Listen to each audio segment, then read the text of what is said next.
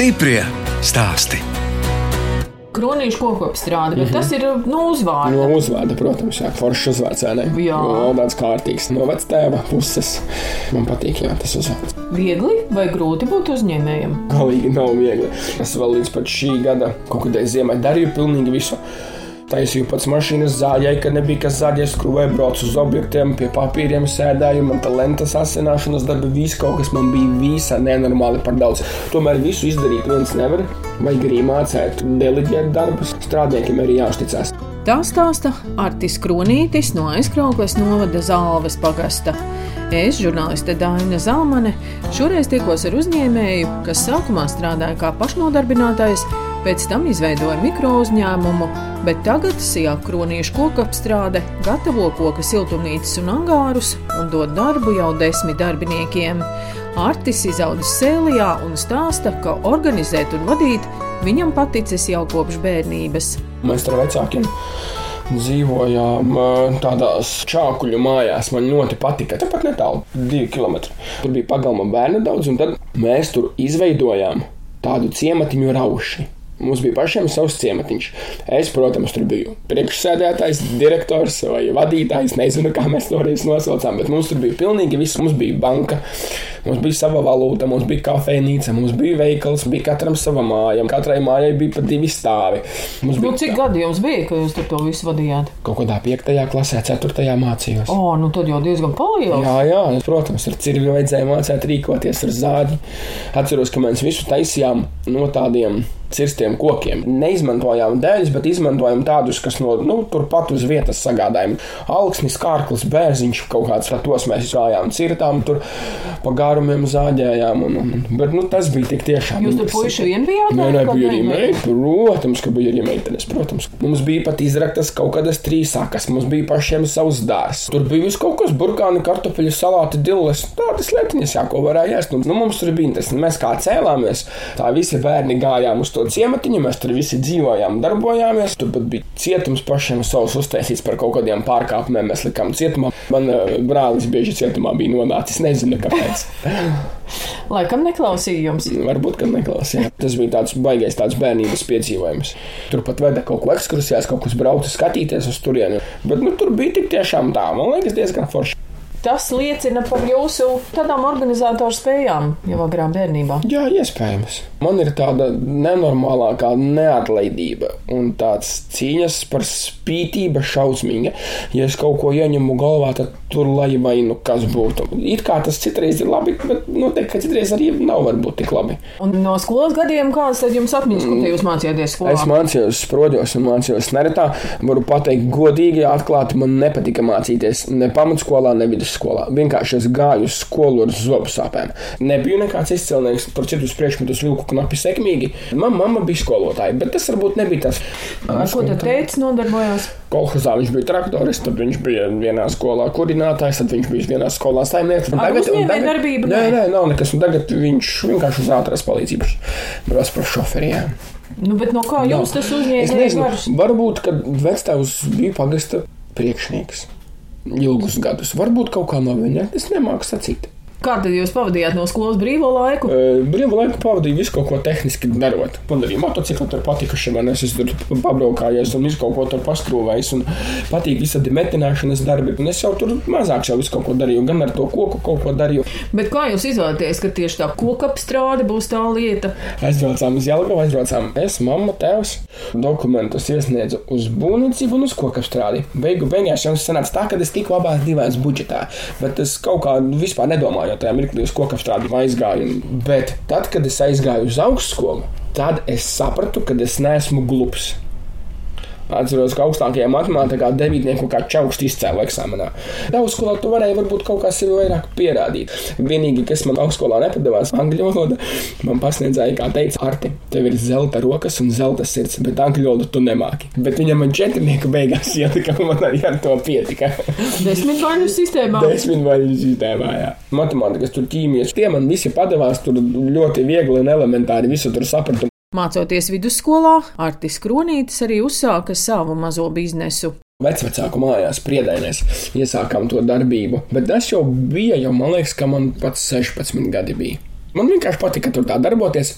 Tad vecāks iedeva naudu kaut kādu. Tādam startam zinu, ka mēs nopirkām zāģi vienu, lenzāģu mašīnu, ko zāģi apaļkoku, zāģos zāģu materiālos. Es atjaunoju priedēnēs pirtiņu, tad mēs tur atceros, kad lapenīti uzbūvēja, tad tur vēl vienu lapenīti uzbūvēja fasādes dēlīšus, nu, paši saspundējām tēva mājā, nu, vectēva mājā, vai ne? Un tad, protams, kāds kaimiņš pamanīja, un kaut ko tur puiši rosās. Tad vienam kāda interese, tad mēs tur kādu dārza beņķi kādam uztaisījām. Nu, tā tas pamazītiņām sākās, jā, ar tādiem darbiņiem. Un tad, kā tās siltumnīcas sākās, viena vecā kaimiņiene šeit no tām čākuļu mājām, viņa man teica, ar te klausies, man vajag siltumnīcu. Es tur baigi ilgi nedomāju, jo labi zinu, kad mācījos Jelgavā pirmajā kursā. Es saku, nu labi, nu, brīvdienām uztaisīsim, un tad tu uztaisījām. Stiprie stāsti.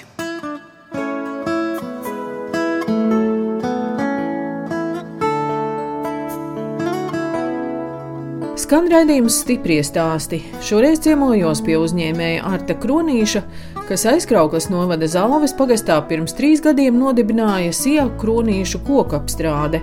Uzņēmumā šobrīd strādā arī Arta brālis Gatis Edijs un vēl desmit darbinieki. Šeit kādreiz bija vecāka kolhoza kokzāģētava. Galdniecības telpa šeit bija jauna, tad mēs viņu pārpirkām. Mm, bija nesakārtotas zemes grāmatas, kā jau daudz kur Latvijā.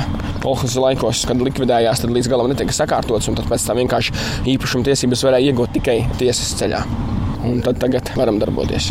No tā vecā ceha ir palikusi tur tā ēka, no jā, ar šīferi. Tas vienkārši bija, laikam, kā man te uzstāstīja, kartupeļu šķirošanas šķūnis. Nu, tur tās galdniecības telpas. Uzņēmuma teritorijā var apskatīt arī krūnīšu koku apstrādē ražotās koka karkas siltumnīcas un angārus. Šī ir tāda, kā mēs sakām, hobija līmeņa siltumnīca, bet mēs ražojam arī lielas profesionālās siltumnīcas lielām stādaudzētavām. Tāda koka karkas? Koka karkas, riņķi ir profesionālā siltumnīca plēvīta. Šis tieši izmērs ir 4,6 metri. Durvis abos galos? Jā, tas ir ļoti dažādi. Durvis abos galos vienā galā. Esam arī būvējuši durvis sānos. Strādājam tikai ar labām profesionālām siltumnīcu plēvēm. Mūsu vislabāk Latvijā noteikti zina to, ka mēs mākam ļoti labi nostiept plēves lai viņi izskatās labi gan ziemā, gan vasarā, lai labi kalpo, lai nepurinās. Kad arī viņa ir izturīga, nebūs tā, ka ziemā uzskatīs sniegs un viņa sagāzīsies. Desmit gadi noteikti viņa kalpos. Pirmā pirms 12 gadiem uzlikta vēl turās. Bet Tas ir pie tāda nosacījuma, ja viņa tiek pareizi uzstādīta un pareizi eksploatēta. Siltumnīcas ir jāveidina. Ļoti daudzi klienti izdara mīnus, ka neveidina iekšā ir pārāk liels mitrums, kas kokam, protams, nepatīk. Kaut vēl viena lūciņa, lai stāv vaļā. Protams, koks ir koks, tur remontdarbīgi būs kādi nepieciešami, kaut vai līstīta jāapmaina, bet katrā ziņā pati tā nesošā konstrukcija tā ir izturīga.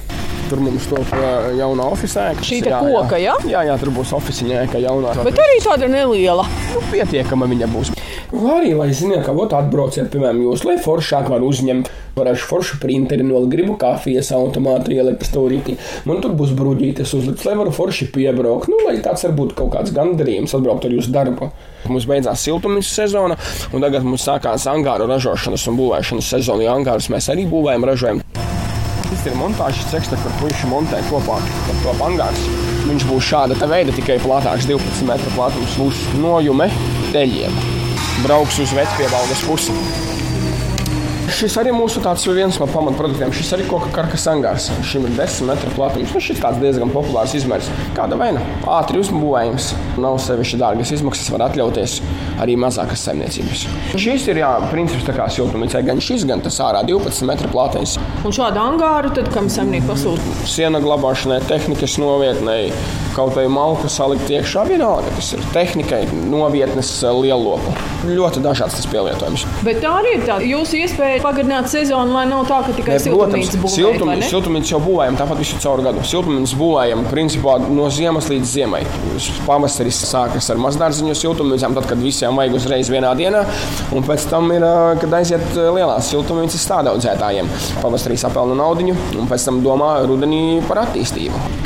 Visur kameras, gan ārpusē, gan visā angāra iekšpusē, lai varētu redzēt arī, kā darbinieki strādā. Varbūt mēs to tik daudz neskatāmies, bet tas, protams, vairāk drošības apsvērumu dēļ, lai kādiem garniģiem kādreiz nesanāk. Un redz, kur arī plakātiņš pie sienas. Mēs eh, šogad projektā vienā piedalījāmies, kur eh, cilvēkus ar invaliditāti mēs nodarbinam. Tur tāds valsts projekts. Mums šeit pats sproļos ir viens tāds grupu dzīvoklis, un mēs esam paņēmuši vienu vīru no turienes. Ļoti apmierināti esam, viņš dara savu darbiņu.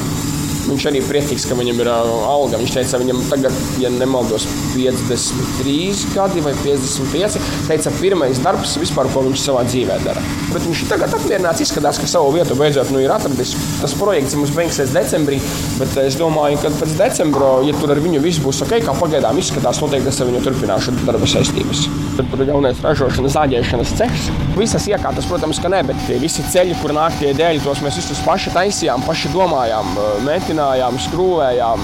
Tur bija ļoti liels darbs ziemā ieguldīts. Jā. Bet uh, strādā, viss labi. Galvenais ir ērti arī cilvēkiem strādāt lai nav tik daudz ar rokām jānesā, bet lai, lai tas dēlis pats aizbrauc tur, kur viņam ir jāizbrauc. Tur vienkārši zāģē zāģu materiālu un sagatavo zāģu materiālu uz pēc tam montāžu uz šo te cehu. Protams, mums arī strādā meitenes, re, kur tā meitene tajā ir frīpainā kreklātā. Mums ir ražošanas vadītāja šajā cehā. Šeit zāģē un visu gatavo, visu materiālu un ko tālāk. Nu, atkarībā kāds pasūtījums. Šeit tagad tiek siltumnīcas taisīta. Es zinu, ka 6 reizes 10 metri uz aizsākuma puses ražojās augšā šodien, viņi ir jāuzbūvē. Nu jā, jūs droši vien ražojat tikai pēc pasūtījuma. Mēs tam nu, jā, jā, pēc, pēc pasūtījuma, protams, jā, mēs uz priekšu neko neražojam. Jā, vienkārši uz pasūtījumu. Uz saraksts ir garš, vienkārši mēs ražojam uz priekšu visu laiku un braucam un būvējam. Šis jau ir tāds lielāks angārs un, piemēram, tādai lielākām zemnieku saimniecībām, jo šis varbūt kā labāk derēs. Viņš plašāks, lielāks, var iebraukt iekšā ar lielāku tehniku. Un uh, uzbūvējām vienu arī lielu tādu arī graudu glabātu un tehnikas novietni, jau esam uzbūvējuši. Un šogad man vēl ir šādi te četri gabali pasūtīti. Tā kā, nu, ir ko darīt. Šis, piemēram, izmērs 5x15, šis brauks būvēties uz sprēļu pusi. Šis karkas ir tāds, kas nāk jau no lielāka izmēra siltumnīcām.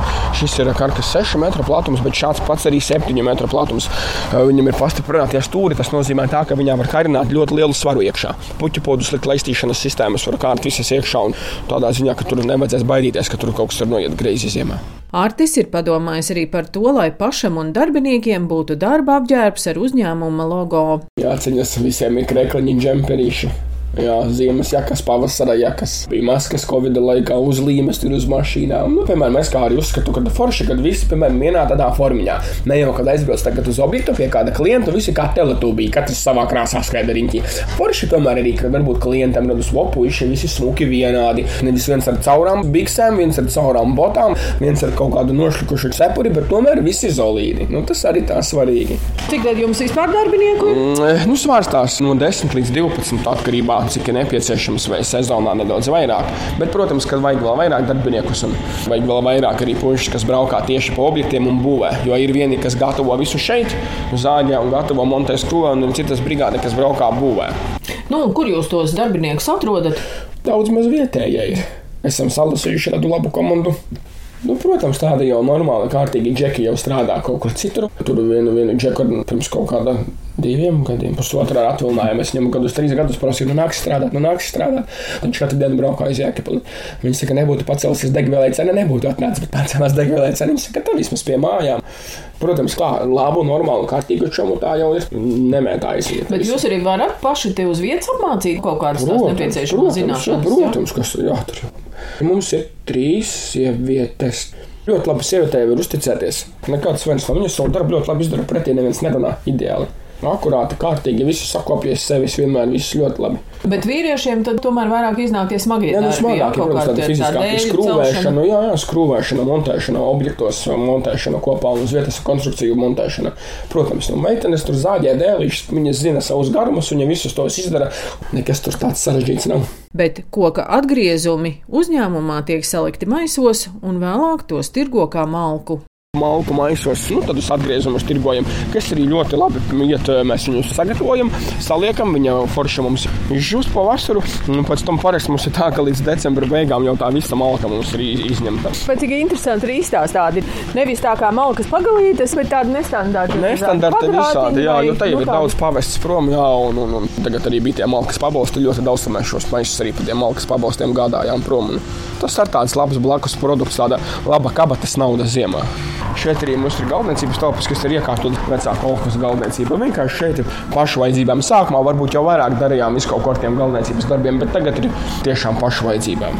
Nu, tie ir arī tās iekārtas izstāstītas no padomu laikiem. Ir arī kas ir no padomju laikiem, protams, bet eh, šis vismaz pašam tāpat šeit ir gādāts. Te nekā nebija, ka mēs paņēmām. Nu, ko jūs te varat izdarīt? Visu, kas saistīts ar galdniecību, pilnīgi visu. Durvis kāpnes var uztaisīt, bet, nu, saku, to mēs vienkārši tagad nedarām. Mums pietiek darba uz šīm siltumnīcām, uz angāriem, uz tādiem vienkārši karkasiem. Es uzskatu, ka labāk vajag darīt tādu vienu noteiktu darbu, nekā tur mētāties vienu dienu taisi suņu būdu, otru dienu taisi durvis. Tur tikai galvas lauzīšana un liekas problēmas. Un kas ir šitie tādi ir tie galiņi? Neretā rīko motokrosu tāds saules sporta klubs. Tur arī forši čomi vietējie uzņēmēji. Tad mēs parasti tur arī cenšamies viņus atbalstīt ar visu kaut ko tagad te kausiņi top tam motokrosam. Šeit arī vietējā keramiķa taisa tur tādus MX juniori, piemēram, šis būs pirmā vieta. Keramiķa taisa šādus darbiņus, un mēs viņus sakumbinējam kopā ar koku.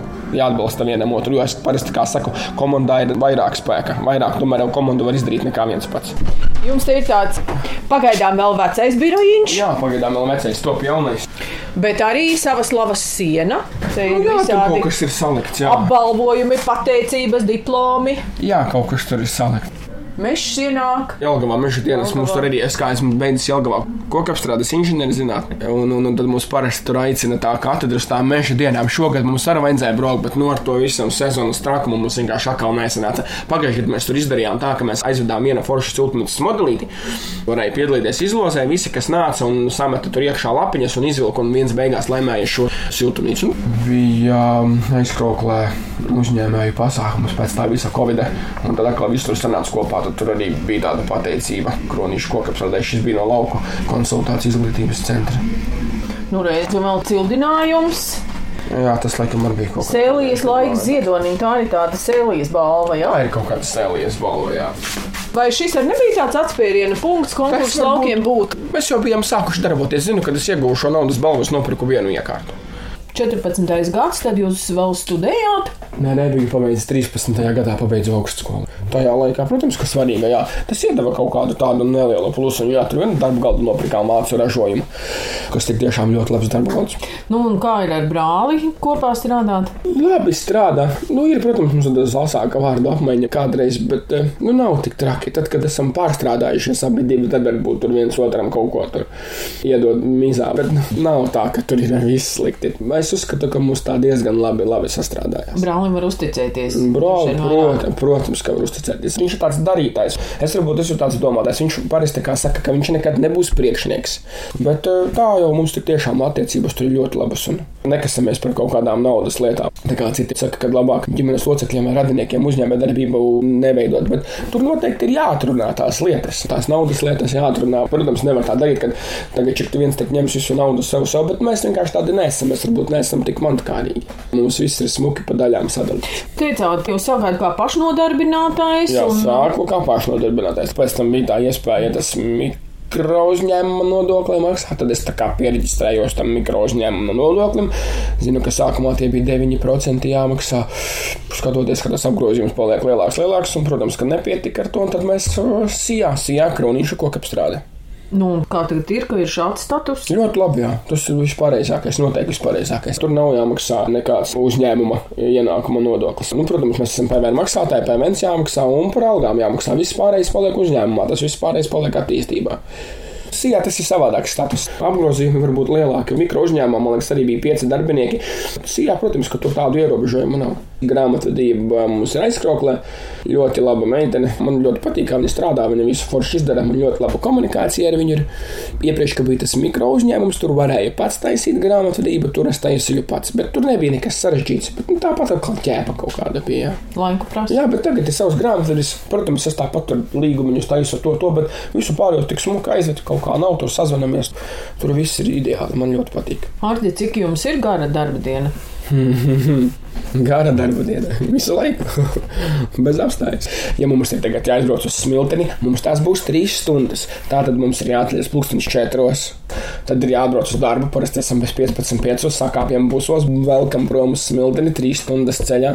Uzbūvējam to siltumnīcu, nu cik jau viņa tur liela ir. Tad jābrauc atpakaļ. Nu, tur vienkārši tā braukšana sanāk ļoti liela. Tā kā arī milzīgs paldies tiem puišiem, kas brauc un kas to spēj izturēt, jo tas nav viegli. Tā braukšana nav viegla. Nu, Zvana. tā jāguļ arī. Nē, protams, ka jā, bet vienkārši ir tā, ka mums ir pārbraucieni gari. Un kas sagādā darbā vislielāko prieku? Labas atsauksmes no klientiem. Cilvēki zvana jums un saka, vai raksta. Kādreiz jāatsūta vienkārši privātu ziņu, kādreiz jau varbūt kaut kur ierakstīts kaut kas sociālos tīklos, bet vairāk jau privāti atsūta. Es parasti arī tur darba chatiņā ielieku Vācijā iekšā, aizsūtu, redziet, arī ko labi vārdi par mums. Stiprie stāsti.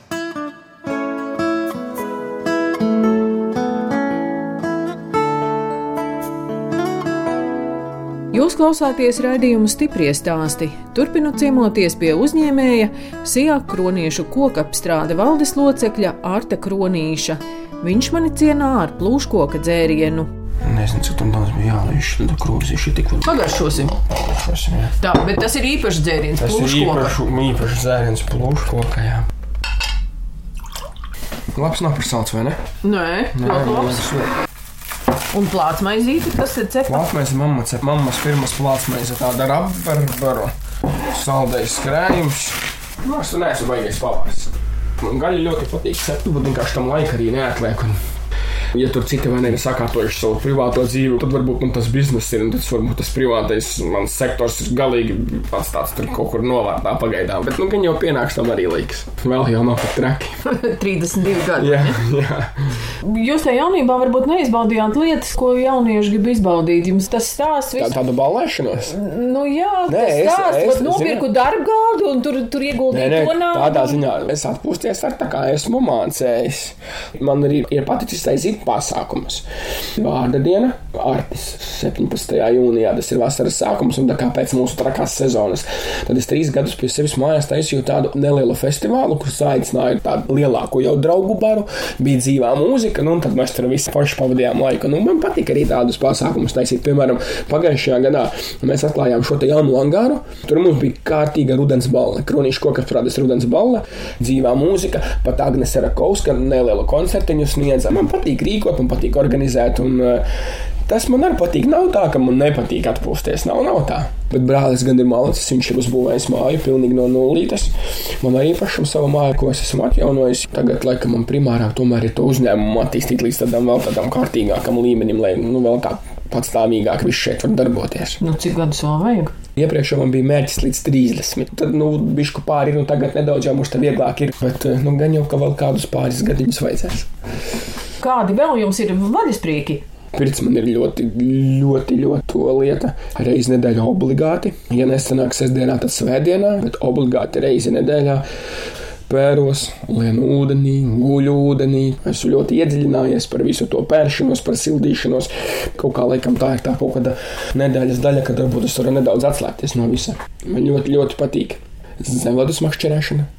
Atceros, pagājušajā ziemā es braucu uz ezeru katru dienu, kā uz darbu, kā no rīta cēlos, tā tik braucu visu laiku. Man liekas, tā zemlētas copa tāda rītīga veču, tāda rītīga vīra copa, zin kā vējš pūst, nagi salst, sniegs putinam, tad tur brien pa to ezeru. Nu, tas tāds ir Kur jūs makšķerējat? Pat uz vietējiem ezeriņiem, te kaut kur uz upēm. Jā. Bet tad vēl man tagad tā ļoti iepatikās zemūdens medības. Viņš man ar to saslimdināja pirms gadiem, jau daudziem. Tad, kad es sāku, tad Latvijā varēja daudzās ūdens tilpnēs, bet tagad eh, tie noteikumi ir ierobežoti, kad nevar visur nirt. Bet ir, protams, vietas, kur var, un man tas ļoti patīk. Šogad cenšos tā katru arī nedēļu brīvdienās izrauties. Bet kāpēc tā sauc par medībām? Tāpēc, ka ir ierocis zemūdens medību. Kaut kāda harpūna? Jā, ir harpūni, ir pneimatiskie ieroči, jā, un ar to ieroci nošuvis nomedīja zivi. Tā zemes medības, man liekas, tas tāds man pašam kaut kāds vīrišķības piepildījums. Nemāku sacīt, man patīk īpaši tā, kad ir tā augsts ūdens jau, kad jālien iekšā tajā augstajā ūdenī. Man tāda viska iepudele ielēja bišku glāzītē, pirms ielienu iekšā, nu zin kā no augsta un izlēna ārā, un atceros vienu gadu izlīdu ārā, un sniega pārslas jau baltas, lielas krīt, bišku uz lēga ar lēdu jau gar malušu tas ledutiņš, un tad izkāpa ārā, bišku nosals ārā vēl izšauj pāris gramus viskija. Tīs vienīgi man garšo tajā reizē, šajā reizē, kad es esmu tā nosalis. Ļoti patīk tautu dēļas. Bet tagad esmu nedaudz tā atkāpies no sava kolektīva. Kaut gan man ir tur vēl piespēja uz deju svētkiem, aizbraukt uz koncertiem. Un kāpēc tieši tautas dēļas ir patikušas? Kaut ko arī tur dejoja tās modernās, vai kādas viņas tur skaitījās. Nezinu. Forši tā latviešu liekas, tā kaut kā patriotiski iespējams. Tas tā jauki ir. Kur jums ir tas deju kolektīvs? Meritā deju kolektīvs sēļi. Sēlietā sēļi. Jā. Mums tagad ir jādejo viena skaista daļa sēļu valsis. Dejošana, cik bieži tur tie mēģinājumi Nu, kaut kā tādas tur lietas? divreiz nedēļā, un tad jau es tur sāku ļoti haltūrā. Tas vadītājai teica, es saku, Junita, lūdzu, piedod, es nevaru vienkārši. Es saku, es nevaru tev atbraukt atpakaļ. Protams, ka viņa dusmīga. Es saku, nu tāpēc jau, nu, bet viņa jau saprotoša arī bija.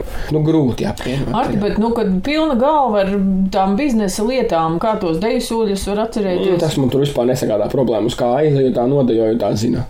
Kas vēl dzīvē prieku sagādā. Iepriekš man patika darīt tādas labas lietiņas, citiem palīdzēt vairāk. Piemēram, mums te vienam džekam, vietējam autoservisu nodega. Nelaime liela, bet es uzreiz kaut kā jūtu, ka vajag.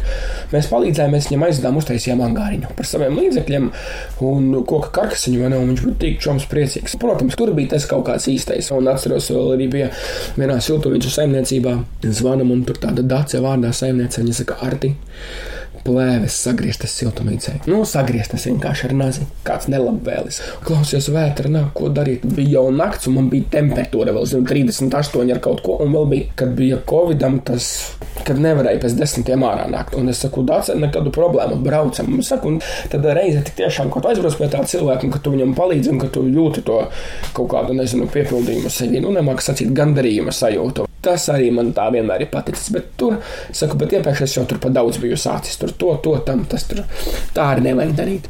Savādāk tu atdod visu, un tajā pašā laikā tu varētu kaut ko sev izdarīt. Tādi sapņi. Attīstīt uzņēmumu līdz tādam līmenim, kad viņš strādās tādā vēl patstāvīgāk, ka man nebūs jāplēš sevi uz pusēm visu laiku. Nu, tad noteikti ja jau attīstīsies vēl tālāk, un, un tad jau tad varbūt kaut kādu Eiropas tirgu varbūt vairāk. Un Eiropā, kas tad tur varētu iet siltumnīcas? Jā, jā, jā. Piemēram, tepat ir Lietuva, 12 km robeža. Esam biržos uzbūvējuši. Vienkārši viņiem tādas nav. Ja Lietuva ir cik lielāka kā Latvija, tur tā tāds tirgus ir. Piemēram, vai mēs braucam uz tiem biržiem, mums ir 50 km vēl līdz aizroklēm. Tas pats viens sanāk. Tur būtu ļoti liels tirgus, bet mēs esam arī, mums ir Zviedrijā kaut kas tur aizvest, tad kaut kas ir Norvēģijā bijis. Par angāriem ir prasīts uz ārzemēm, un vienkārši mēs nespējam. Katrā ziņā vēl ir ļoti, ļoti jāattīstās. Cik daudz ir jāstrādā, lai kaut ko sasniegtu, lai savu uzņēmumu uzbūvētu? Nu, protams, jāstrādā ļoti daudz. Es esmu ieguldījis tur nenormāli lielu darbu. Katrā ziņā nepietiek ar astoņām stundām atbraukt, paurbināt bišku degunu, kaut ko paskatīties, vai kaut kas nesanāk, aizbraukšu prom. Tā nebūs. Tur ir jābūt ļoti lielai neatlaidībai gribas spēkam. Visu uzņēmēju strādātos, bet noteikti varbūt citam uzņēmējam tas stāsts ir kaut kāds vienkāršāks. Viņš ir varbūt kaut kāds Nu, Viņam ir sekretāri varbūt. Nu, labi, nu, protams, jā. Nu, būs man jaunais oficiāls, jāskatās, varbūt būs jauna vakance uz sekretāra amatu. Tā kā jums tās iekārtas ir diezgan daudz, vai jūs esat arī kaut kādus tos Eiropas projektus? Jā, šogad tur piesaistījām arī vienu projektu, jā, iegādājāmies vienu darbu mašīnu, tādu jau modernu ar datoru vadību, arī kas ne, nepagāja vienkārši tur iekšā, tur, kas arī zāģēja zāģu materiālus, jā, nu, vērts viņš bija 40 tūkstoši, man liekas, jā. Būs jaunais angārs montāžs, tur, protams, ka vajadzēs uzreiz divas iekārtas, bet vienu iekārtu es uztaisīšu pats, jo noteikti tādu īsti nekur nopirkt nevarēs, kādu man vajadzēs, bet viena būs jānopērk. Tā kā noteikti, visu laiku ir jāattīstās. Jums darbi ir pāri galvai, ja? Visu, visu nespēju padarīt. darbi ir pāri galvai, visu nespēju tik padarīt. daudz cilvēki, kuriem nu, nav laukos, ko darīt, un nav to ideju, ko darīt? Tādi kārtīgie džeki jau kaut ko dara. Vai tādi čīkstuļi, kas čīkst, viņam kaut kādas citas problēmas varbūt. Es nezinu, kāpēc nav viņam tā darba. Nezinu. Bet, ja tu gribi iesākt kaut ko savu, nu, tad tur nevar tā vienkārši. Un tagad es domāšu, iesākšu, tur ir jādara. Tas ir šausmīgs, smags darbs. Tur tik tiešām vajag būt nenormāli lielai apņēmībai. Es arī no daudziem uzņēmējiem dzirdējis, kam es šito vispār sāku dzirdējis. Jā, gan jau, kad ir vienkārši par daudz visa. Un tad noteikti ir jādomā, jāsāk sadalīt tie darbi, jādomā, kāpēc ir par daudz un jāmēģina saprast, un tāpēc ir to cilvēkus jau vajag, kas palīdz. Jo, kā es saku, komandā ir spēks, viens pats tu nekad neizdarīsi tik daudz kā ar komandu.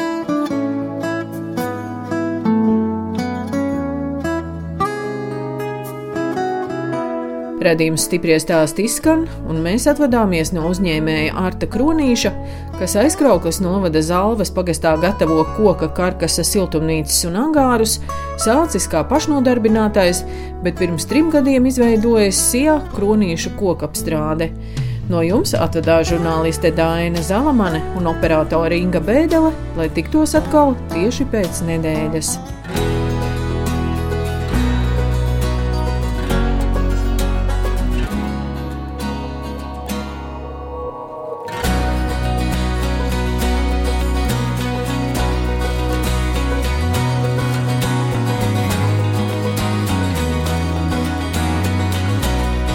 Stiprie stāsti.